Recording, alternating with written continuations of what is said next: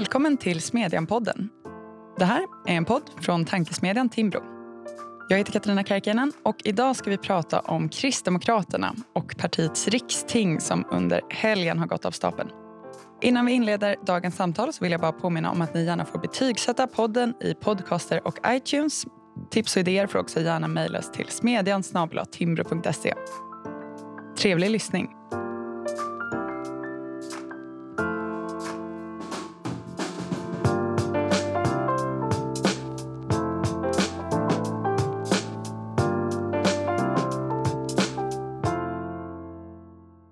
Ja, under helgen samlades Kristdemokraterna alltså i Norrköping för sitt riksting, partiets högsta beslutande organ.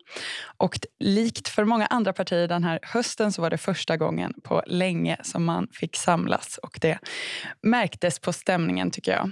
Men hur gick samtalen på plats? Vilka var de viktigaste besluten? Missförstår media Kristdemokraterna när man beskriver partiets ideologiska grund? Och såklart lite om dagens besked om den gemensamma budgeten från M, KD och SD. Med mig för att tala om det här har jag Andreas Karlsson, Kristdemokraternas gruppledare i riksdagen och partiets rättspolitiska talesperson. Välkommen. Tack så mycket. Och Nike Örbrink, ordförande för Kristdemokratiska ungdomsförbundet. Välkommen. Tack så mycket. Och med oss på länk från Kalmar har vi Martin Tunström, politisk chefredaktör på Barometern OT. Välkommen. Tack så mycket. Ja, ni var ju på plats alla tre, det vet jag eftersom jag träffade och eh, såg er där. Vi var där från Timbro också. Vad kan ni säga initialt om dagarna? Hur var stämningen på plats tyckte ni? Nej, men det var en fantastisk stämning. Det märktes ju verkligen att folk inte har setts på länge och vi hade ju nästan rekordmånga deltagare, i alla fall de senaste åren med 800 taggade kristdemokrater på plats som diskuterade politik men också formerade teamet inför valrörelsen som vi är väldigt motiverade och laddade för. Mm. Nej, men verkligen, jag kan bara hålla med. Och eh, väldigt liksom, god eh, stämning mellan distrikten. Man gjorde upp i, i talarstolen, diskuterade liksom, bra frågor, stora frågor och sen gick man verkligen ut och drack kaffe och minglade och pratade om åren som har gått sedan 2019 som faktiskt var förra rikstinget och som faktiskt var senast hela partiet såg. Så en, en bra stämning tycker jag det var. Jag ser det från pressrummets sida där många reportrar så här, det var, upplevde att det, det, i år är det svårt att göra grejer. Det är svårt att skicka hem texterna till redaktionerna för vi ser inte konflikter, varken när det gäller personer. Vi förväntar oss inte heller konflikter om, om beslut. Och då är det svårare att jobba som journalist. Och visst är det väl så att inför ett valår brukar det vara ganska konsensusbetonat i, i partierna. Eh, det är upp till mobilisering och uppslutning. Men det var ändå någonting att här Eh, ja, vi kan se det från mitt perspektiv, det var svårare att jobba som, eh, som journalist och ledarskribent i år. Ja, det var en eh, enad stämma här. Jag önskar nästan att jag hade något litet bråk att dra ur rockärmen nu, men det har jag inte. Däremot så tänkte jag att vi jättekort måste prata om namnet också. För det här vet jag är en sån sak som Martin också har ett specialintresse eh, för. Ordens och symbolernas betydelse. Bland partierna så har man ju olika namn på de här högsta beslutande organen. Socialdemokraterna har kongresser. Det känns väldigt socialdemokratiskt. Folkkongresser i arbetarpartierna. Moderaterna har stämmor. Det tycker jag nästan för tankarna till bolagsstämmor stämmor för aktiebolag, men det används väl i andra sammanhang också. Och Kristdemokraterna har alltså ting, som de gamla landskapstingen eller de medeltida tingen. Vad säger det här oss som partierna, Martin? Spelar det någon roll? Ja, gemene man kanske inte tänker på det här varje dag men som du säger så styr alltid orden lite hur vi tänker. Och jag tror att du är inne på helt rätt spår att partierna vill ju att det här ska så materialisera vad partierna är för något. Och i kristdemokratin så, så materialiserar rikstinget partiets osynliga väsen, nämligen att man vill visa att man är byggd underifrån. Man har en historia, man skapas decentraliserat, växer fram, omsluter samhället. Det är inte en, en ett kongressen som man uppfattar mer som någonting ovanifrån. Eller som du också nämnde, stämman som är bolaget. Utan tinget anknyter också till ett ja, landsting eller det historiska häradstinget. Det är en underifrån konstruktion som växer fram. Och på den här, i den här underhandskonstruktionen då, Andreas och eh, Nike, vilka sakpolitiska beslut tyckte ni var viktigast under helgen? Det allra viktigaste var vår sjukvårdsproposition där vi tar nya steg i att reformera svensk sjukvård där eh, ju vi ser att 180 000 har väntat olagligt länge på vård. Vi har vårdköer som har eskalerat under det socialdemokratiska styret. Eh, så där fattade vi beslut om hur vi ska genomföra och hur vi, vilka steg vi ska ta för att genomföra det vi redan är överens om att vi ska genomföra, nämligen århundradets sjukvårdsreform och lägga ner eh, regionerna, lägga ner ansvaret för sjukvården på den mellannivån nivån och låta staten kliva in och ta huvudansvaret. Sen måste jag ju säga, om, om jag får, att det var ju nästan historiskt på söndagen när vi tog 111, eller behandlade 111 kriminalpolitiska motioner där det fanns en enorm uppslutning. Partistyrelsen fick faktiskt igenom varenda svar som vi hade på vår kriminalpolitik med skärpta straff, med rättvisa i fokus, men också där rättsväsendets myndigheter måste få precis de befogenheter de behöver. Så det fanns ett tryck underifrån kan man lugnt säga att vi måste göra vad som krävs för att bekämpa kriminalitet i Sverige. Ja, men jag, håller, jag håller med om att, att eh, sjukvårdsproppen är ju central i synnerhet i ljuset av att Kristdemokraterna nu, och jag tycker det blir tydligare och tydligare, är det partiet som utmanar socialdemokratin om att ha, sjukvård, ja, ha sjukvårdsfrågorna. Och den visade också på ett, ett ganska reformtaggat eh, Kristdemokraterna i kontrast till ett ganska idétrött Socialdemokraterna som egentligen börjar och slutar med diskussioner om huruvida man ska skjuta till några extra miljarder. Här kommer ett parti som på riktigt börjar prata eh, system. Och, eh, och Det tycker jag är häftigt, det är viktigt och det behöver Sverige. Men för ungdomsförbundets sida så är det såklart att de två mest centrala frågorna var eh, bidragstak som vi fick igenom mot partistyrelsen eh, och, eh, och förändringen i synen på asylkvoter där partiet ändå efter eh, två eh, tidigare riksting där man har yrkat ett, eh, ett totalt avslag nu ändå går eh, KDU till mötes om, om, och ser behovet av fler säkra och lagliga vägar och hur det ska bli det huvudsätt, huvudsakliga sättet man söker asyl i Sverige. Sen hade vi i ungdomsförbundet såklart velat se ett rakt anta men, men vi är jätteglada för det beslutet som det landade i. Martin, var det något av besluten som du reagerade särskilt på? Jag tänker att det finns en trend i Västeuropa eller västvärlden att borgerliga partier, om vi kallar dem så, eller höger eller konservativa partier också, intresserar sig mer för välfärdsfrågor. Inte minst när vänstern har så här, fokuserat på identitetspolitik och på nya väljargrupper som inte har samma kanske personliga intresse av välfärdsfrågor heller. Och välfärdsfrågor har också blivit i Sverige en väldigt mycket formfråga om drift och ja, det säga privat, offentligt. Och här, i det här tycker jag man ska tolka att kristdemokratin har alltid haft en, ett, ett, ett, en tema i välfärd men att det här också lyfts fram på ett sätt. Det är ett innehåll i sjukvård som också diskuteras och att den här tendensen går liksom i linje med en europeisk borgerlighet som tittar mer på välfärdsfrågor, är drivande. Vi såg ju också i förra svenska valet hur för första gången de, inte minst som Moderaterna då, som gick bättre i kommuner och regioner än i riksdag, att det finns en, en, en ny tyngdpunktsförskjutning i väljargrupper här som är väldigt intressant. Och att också att Kristdemokraterna liksom behåller den trovärdigheten i sjukvårdsfrågan. Nej, men jag kan bara instämma i det, i det som sägs. Eh, men om jag ska sticka ut lite som ungdomsförbundare då, så, eh, så jag, tycker, jag tycker att det här eh, är helt rätt prioritering för partiet. Det finns en lucka inom borgerligheten ehm, kring att vara ett parti som ser den, ja, men håller, liksom, eh, håller rätt i den ekonomiska politiken, i rättspolitiken men som också klarar av en värderingsdiskussion och, och har den här sociala medmänskligheten i, i DNA. Där ligger Kristdemokraterna helt rätt. Jag tror att vi kan nischa oss också i förhållande till eh, Moderaterna och, och eh, Sverigedemokraterna.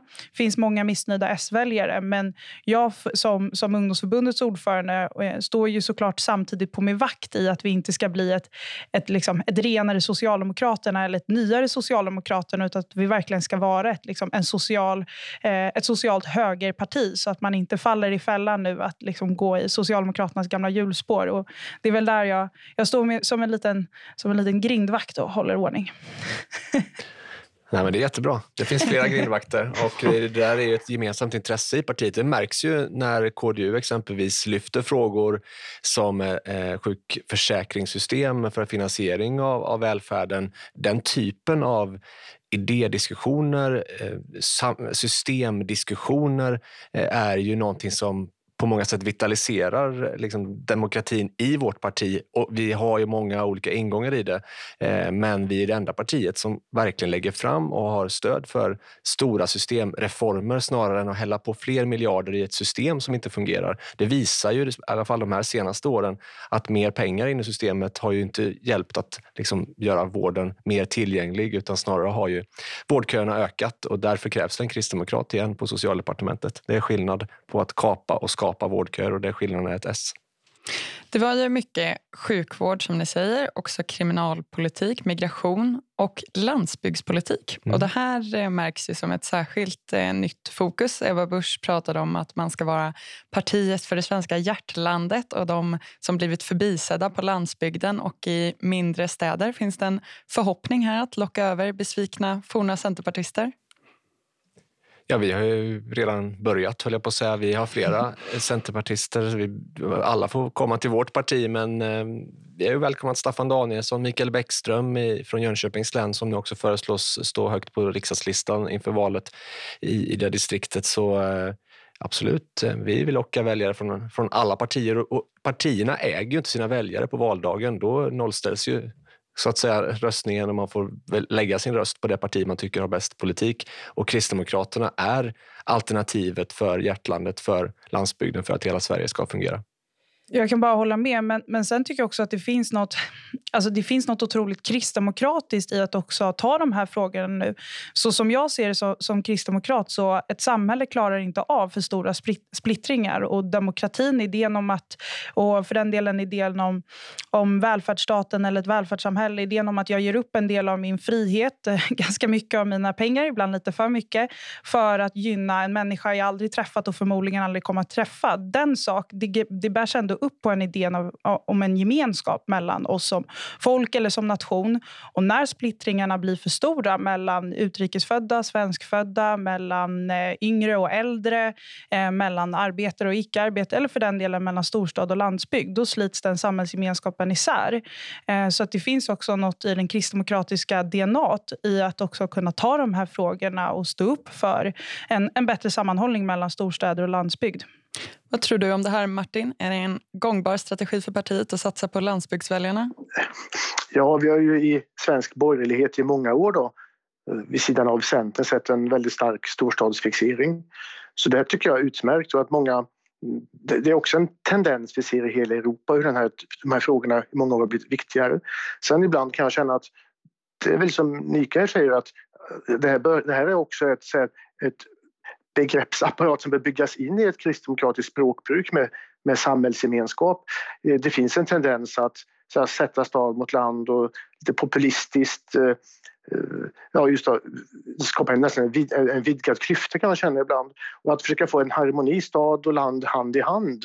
Ehm, det finns ungefär som det bland en del konservativa finns någon sån här romantik om landet och anti-storstad. Ehm, man kan vara konservativ eller kristdemokrat i storstaden också Det där institutionerna finns, där kanslierna finns, där utbildningen finns och växa även där. Va? Och det hoppas jag på att den typen av säga, perspektiv där man för stad och land närmare varandra. Inte minst som så många människor i storstäderna kommer från landet. Men på det taget tycker jag det är jätteviktigt, inte minst sett här från Smålands synvinkel där vi ser, eh, när jag berättar hur det ser ut på de mindre orterna i i Kalmar län så blir man väldigt sällan trodd. Man pratar om polisbrist, talar om fall, förfallna hus och människors frustration över tillvaron som är väldigt stor. Mm. En stor del av rikstinget ägnades ju som vi sa också eh, åt eh, ditt ansvarsområde Andreas, kriminalpolitiken. Eh, mm. som vi också fick en liten övergång här nu med, med Martins eh, vittnesmål från den småländska landsbygden. Men ni har antagit ett nytt eh, kriminalpolitiskt program. Vad är de viktigaste delarna som ingår i det?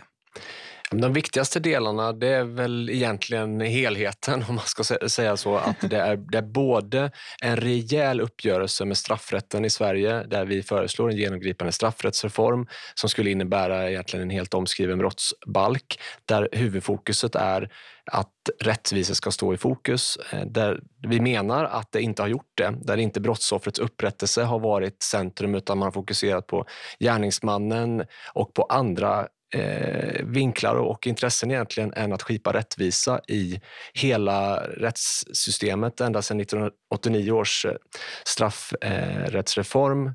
Eh, och det bygger egentligen på idéer och tankegods från 68 vänstern som vi gör upp med i det här eh, programmet. Det tillsammans med att vi eh, tar upp mycket kraftfulla förslag för att förstärka rättsväsendet, både i befogenheter men också i dimensionering så att man har de resurser som krävs.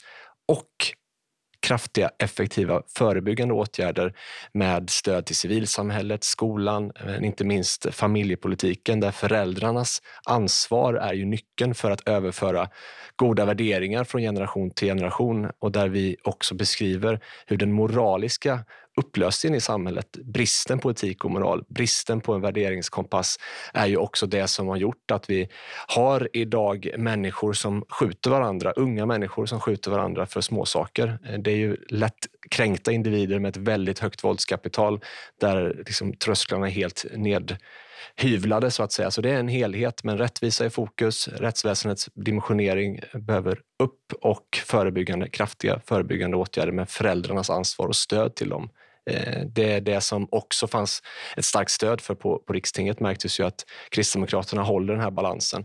Vi är kritiska mot att regeringen har gjort för lite i de straffskärpande delarna, att ge polisen och rättsväsendet rätt verktyg, men också i de förebyggande där man inte heller tar tag i de problemen på allvar utan låter det här fortgå.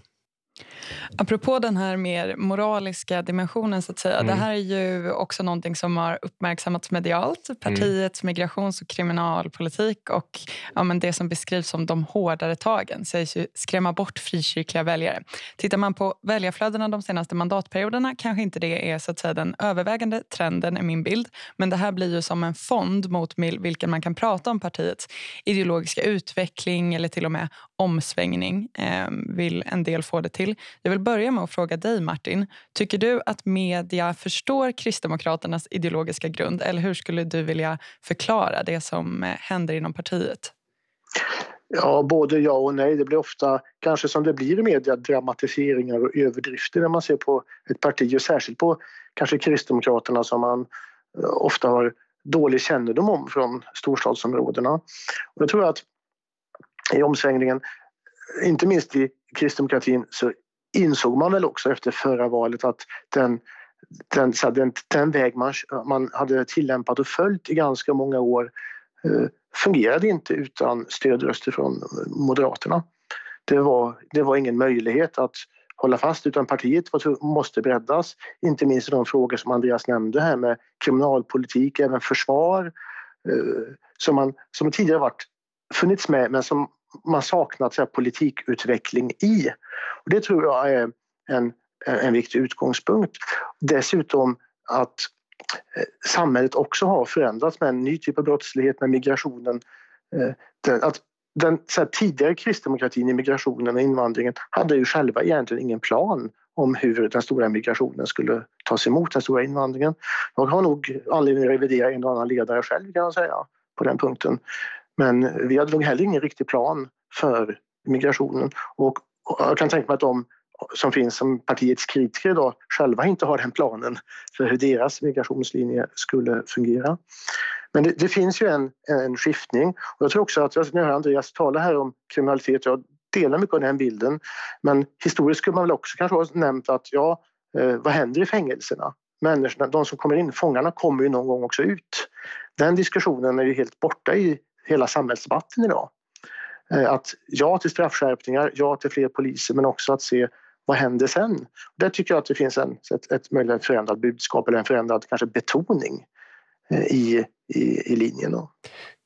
Det är väldigt intressant att Martin tar upp det. I vårt handlingsprogram så lyfter vi även om vi har brottsoffret i, i fokus och den personens upprättelse så konstaterar vi också att ett rättvist straff är ju också förutsättningen för att även gärningsmannen ska kunna sona sitt brott. Vi har också förslag i, i vårt rättspolitiska program om kriminalvården att Eh, man behöver återinföra. Vi är kritiska till att man har avskaffat exempelvis det så kallade tolvstegsprogrammet som har varit effektivt och på grund av resursbrist har man behövt att dra ner på, på fungerande program. Eh, så att vi, eh, vi kan göra mer där tror jag. Martin är inne på något positivt. Vi kommer få längre straff med kristdemokratisk politik men man behöver också fokusera på att den tiden som man då sitter i fängelse faktiskt eh, tjänar till dels att sona sitt brott men också att komma ut ur fängelset eh, med en annan livsbana. Och tiden efter avtjänat straff är ju ofta den mest kritiska. Där finns det också mycket att göra när man har plöjt ner, som det faktiskt handlar om, väldigt mycket resurser inne i kriminalvården.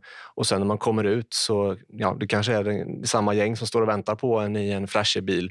Där måste ju mer göras också. Helt enkelt för att inte det där ska vara bortkastade pengar egentligen om man tänker på det långsiktigt. Eh, så definitivt, det finns att göra där också. Men vi menar att fokus har legat där i orden. Sen har man inte heller egentligen gjort så mycket åt det där eh, historiskt. Men det man framför allt inte har gjort är ju att ha rättvisa straff och fokusera på brottsoffret i, i första hand. Det, det, kommer vi alltid återkomma till. Att eh, det, diskussionen har många gånger handlat om vårdande och rehabiliterande av, av gärningsmännen och man har inte tänkt då på, på brottsoffren som idag fortfarande får kräva in sina skadestånd själva exempelvis där vi tycker att staten ska betala ut dem och sen driva in dem mot gärningsmannen. Och det var ju en ståndpunkt som också fick applåder på vårt riksting här i helgen. Men om man betraktar hela borgerligheten som någon slags gemensam entitet ändå, så har ju KD tidigare haft rollen av att vara mycket socialt samvete, betona andra värden än övriga partier. Det har handlat mer om ja, men, dels sakfrågor som sjukvård och äldreomsorg men värden som familjen, medmänsklighet. Kommer man förmå nå fram med det budskapet och samtidigt vara det här partiet som vill ja, men, ta ära för att driva på hårdare inom kriminal och migrationspolitiken? Det finns naturligtvis moraliska aspekter av båda de här delarna men jag tänker ändå att det delvis är olika väljargrupper som man fångar med de olika frågorna. Vad blir liksom Kristdemokraternas roll inom borgerligheten framöver? Nej, men vi är stenhårda för mjuka värden och det märks ju också här nu när medlemmarna själva får lägga förslag eh, så är det faktiskt ganska hårt. Men det är ju för att man står upp och fightas för de allra mest utsatta. För brottsoffren som inte får upprättelse, för kvinnor som är rädda för att eh, röra sig själva på, på sena kvällar. Och inte så sena heller för den delen, utan, utan även tidiga kvällar. Eh, så så för deras sak så finns ju Kristdemokraterna hjärtat för de människorna driver ju fram politiska förslag som vill göra Sverige tryggt igen för dem. Så att det är inte... Och jag håller, frågan var ju om medierna missförstår. Ja, det gör de. Och det, liksom, Kristdemokraterna har aldrig varit ett mjukt låt gå-parti. Redan på Alf Svenssons tid så ville vi kriminalisera medlemskap i gäng, eh, ha kemisk kastrering för våldtäktsmän, eh, kriminalisera barnpornografi som vi var ensamma om och även införa anonyma vittnen. Det kanske var under Hägglunds tid i och för sig. Som idag har lite mer av konsensus i alla fall, men då var väldigt kontroversiellt. Så Kristdemokraterna har alltid legat i framkant ändå i kriminalpolitiken. Och det är ju inte för att plocka någon väljargrupp egentligen, utan det är ju från att vår moral och syn på etik och syn på rättvisa, syn på upprättelse. Eh, det kräver av oss att faktiskt inte lämna walkover i de här frågorna. Och det, nu när verkligheten har förändrats i en mycket förråande eh, riktning så måste vi ha svar på, på samhällets största utmaningar idag och största problem. Och det är det vi har och också ta nya steg nu i helgen. Verkligen. När verkligheten blir tuffare krävs det tuffare tag för att stå upp för mjuka värden. För att sammanfatta det. KDU som du leder, Nike, eh, har ju lagt fram ett antal egna förslag inför rikstinget som är brukligt för ett ungdomsförbund. Det handlade som du nämnde om en övergång till ett asylkvotsystem, om en övergång till sjukvårdsförsäkringar och att införa ett bidragstak. Varför valde ni just de här reformerna? Vad är det för inflytande som ni vill utöva på partiet?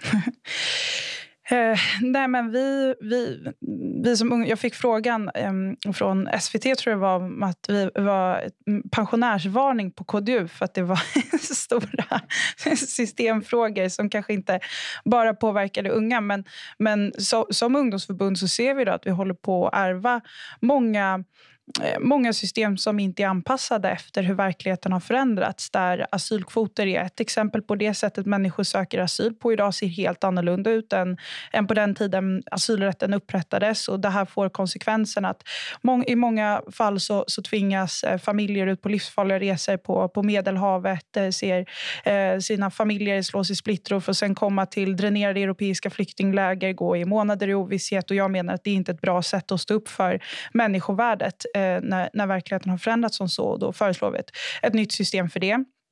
Med bidragstak så handlar det om att väldigt många, alltså allt för många barn växer upp och kliver upp på morgonen, eh, äter sina flingor, eh, packar ryggsäcken, går iväg och ser hur eh, mamma eller pappa fortfarande står i morgonrocken och vet att de kommer inte ha något att göra på resten av dagen. Och eh, jag tror att det här, eh, det här liksom förtvinar samhällsgemenskapen och, eh, och skapar ett enormt institutionaliserat utanförskap. Och då är bidragstaken en bra reform för det för borgerligheten att driva och därmed kristdemokrat, eh, Kristdemokraterna. Och när det kommer till sjukvårdsförsäkringen, jag ska försöka sammanfatta det här på ett smidigt sätt. Alltså vi befinner oss i en situation idag där Vården är, är alltför otillgänglig, köerna är alltför långa och där 600 000 svenskar har eh, råd eller har via arbetsgivaren en privat sjukvårdsförsäkring som eh, innebär att man får gå förbi kön. Alltså 600 000 svenskar. Vi håller på att få ett A och ett B-lag i tillgänglighet till vården. Och då tycker vi att när Kristdemokraterna nu ska vara det borgerliga sjukvårdspartiet som utmanar Socialdemokraterna så faller det sig naturligt att titta på kristdemokratiska välfärdssamhällen såsom Tyskland, Nederländerna, Belgien. Och där är eh, obligatoriska sjukvårdsförsäkringar i Nederländerna till exempel utgör hela grunden för, för det välfärdssamhället. Så att, eh, vi tyckte att det var på tiden att ungdomsförbundet eh, motionerade om nåt som hade med sjukvården att göra och vågade tänka lite system där också. Lång harang kände jag nu att det blev. Nej, men det var, jag tycker att det är en väldigt intressant eh, utveckling. Däremot så springer tiden ifrån oss och jag tänker att vi måste hinna prata om dagens besked också. Gårdagen när det här sänds, men eh, det kom strax innan vi klev in i studion. M, KD och SD har enats om ett gemensamt budgetförslag som alternativ till regeringens. Vi kommer ju såklart kommentera det ytterligare från Timbros sida och också komma tillbaka till det i podden. Men nu när jag ändå har er här, vad tycker ni om budgeten och vad har varit viktigast för KDs del? Ja, vi tycker väldigt bra om budgeten. Den omfattar ungefär 20 miljarder så det är en ganska stor budgetreservation med viktiga reformer på de mest akuta samhällsproblemen. Rejält tillskott på rättsväsendet och också påbörja steg för att kapa vårdköerna så att vinnarna på den här budgeten är brottsoffren och patienterna. Och vi ser ju också tydliga kristdemokratiska segrar i den här budgeten också. Inte minst inom äldrepolitiken och sjukvård, men också inom familjepolitiken och på vårt liksom, gemensamma intresse i de här tre partierna att stärka upp rättsväsendet. Så att det är en eh, budget där brottsoffer och patienter är vinnare. Jag tänkte där också att på några saker. Först så kom ju budgeten efter en tid av hela den här diskussionen om hoten mot demokratin och att oppositionen ledd av Ulf Kristersson skulle vara någon, någon form av hot mot demokratin. Eh, det första jag såg i den det var att det var mer pengar till utredningen om att stärka rättsstaten. utredningen om eh, att maktdelning för domstolar, domstolars självständighet. Vi tänkte på dig som... när vi la in den där. ja, en annan aspekt var alltså, just att att Sverigedemokraterna, så många som debatten handlar om, har inte så mycket, har inte så mycket konkret politik att komma med. Eh, de, så här, migrationsavsnittet här är ju ganska, det är inte kontroversiellt på något sätt. Det var en, eh, jobba hårdare med eh, utvisning av personer som är i Sverige illegalt etc. som ändå rimligen skulle komma. Utan det är partier som har en politikutveckling som också får in något i en uppgörelse. Eh, jag såg KD fick en lång rad så här, vinster med engagemanget både i sjukvård, äldre, civilsamhälle, eh, ja, stöd till civilsamhället, familjepolitik. Medan Moderaterna kanske fick sitt jobbskatteavdrag. Så mm, ja, utfallet blir nog lite annorlunda än vad så här, många hade väntat sig. Tror jag. Om jag ska eka i det så håller jag med. Jag skulle säga att den, eh, liksom, om man ska dra en spelpolitisk liksom, vinst med det här så är det att vi riskerar, eller vi, vi kommer troligtvis gå in i den smutsigaste valrörelsen eh, någonsin med otroligt mycket pajkastning och, eh, och, och, och det ena och det andra hållet. Och eh, det här visar ju vad, vad innebär det att kunna samtala med alla partier. Jo, det innebär eh, 3,4 miljarder mer till vården eller eh, 29 miljarder mer på arbete och företagande. Det innebär kränkning. Det innebär en nationell vårdförmedling som ser till så att patienter i hela landet kan få en operation i tid. Det är resultatet av att kunna samtala med alla. Och Tycker man att det är ett problem, då tycker jag också man ska förklara för väljarna varför man väljer att tacka nej till sådana här frågor till förmån för att ja, för ep eh, kasta epiteter och, och, och pajkastning. Och värt att notera, det här är ingen januariöverenskommelse där vi är emot olika delar utan våra, de här tre partierna står bakom varenda punkt i det här dokumentet. Vi är enade också i den här delen. Men jag tror också att det kommer tjäna just eh, den rollen som du var inne på, Nika, att det ändå finns ett eh, reellt alternativ också vad gäller reformförslag och budget att eh, peka på. Det var mindre glädjande att se, tycker jag, att Liberalerna står utanför uppgörelsen och eh, lär rösta då på en liksom, egen budget eller ett eget reservationsförslag. Den sänkta skatten på diesel och bensin uppges i pressmeddelandet vara ett viktigt hinder. Eh, är det här ett problem, Martin, för det borgerliga regeringsalternativet och i så fall hur stort? Ja, men det är så här att Liberalerna har nu till helgen sin... Nu är det landsmöte va, som Liberalerna har angående tal om Just det, vad, vad, säger det? Lands, ja, det landsmöte eh, har de till helgen och eftersom partiet har varit splittrat i den här frågan så tror jag att det har varit svårt att före landsmötet kanske mm. eh, ingå den här överenskommelsen. Landsmötet är så pass viktigt och man vill nog ha eh, några dagar så här, lugn och ro före landsmötet än att få en, en en annan debatt än den planerade. det tror jag är en viktig förklaring. Men mm. sen det är klart att eh, Liberalerna har ju ändå... Deras väg är tydlig. Och den är tydlig mot inför nästa val. Det är ingen tvekan om det. Det är heller ingen tvekan om att Centern i borgerligheten har gått från att vara ett eh, sen vågmässigt till ett, ett parti, en politisk motståndare som partiet börjar bli nu för eh, Kristdemokraterna och Moderaterna. Mm. Elisabeth Svantesson, precis som du också är inne på med kanske de bakomliggande skälen här, lät ju åtminstone också positiv om eh, möjligheterna att få med Liberalerna under nästa år för en gemensamt då regeringsunderlag. Från Kristdemokraternas sida, hur viktigt är det för er att ha Liberalerna med? Ja, det är viktigt att, att få stöd för eh, den här produkten och vi har haft eh, god dialog med Liberalerna under resans gång så vi hoppas att de kommer att ansluta. Ja, nej, men jag håller med. Sakpolitiskt är jag är väl inte alltid den som jublar högst eh, för, för Liberalerna i vissa frågor. Men det är såklart att det, den liksom, grunden, synen på arbete, företagen, eh, en del på utbildningsfrågorna är densamma. Och då är det såklart att vi hoppas på att få stöd för, för ett borgerligt regeringsalternativ. Det är det viktigaste. Det låter bra och det kommer vi nog komma tillbaka till. För idag så får jag dock lov att säga varmt tack till Nika Örbrink, Andreas Karlsson och Martin Tunström för att ni var med. Tack. Tack. Tack. Tack. Tack också till er som har lyssnat. Vi ses på timbro.se smedjan och hörs igen här om en vecka.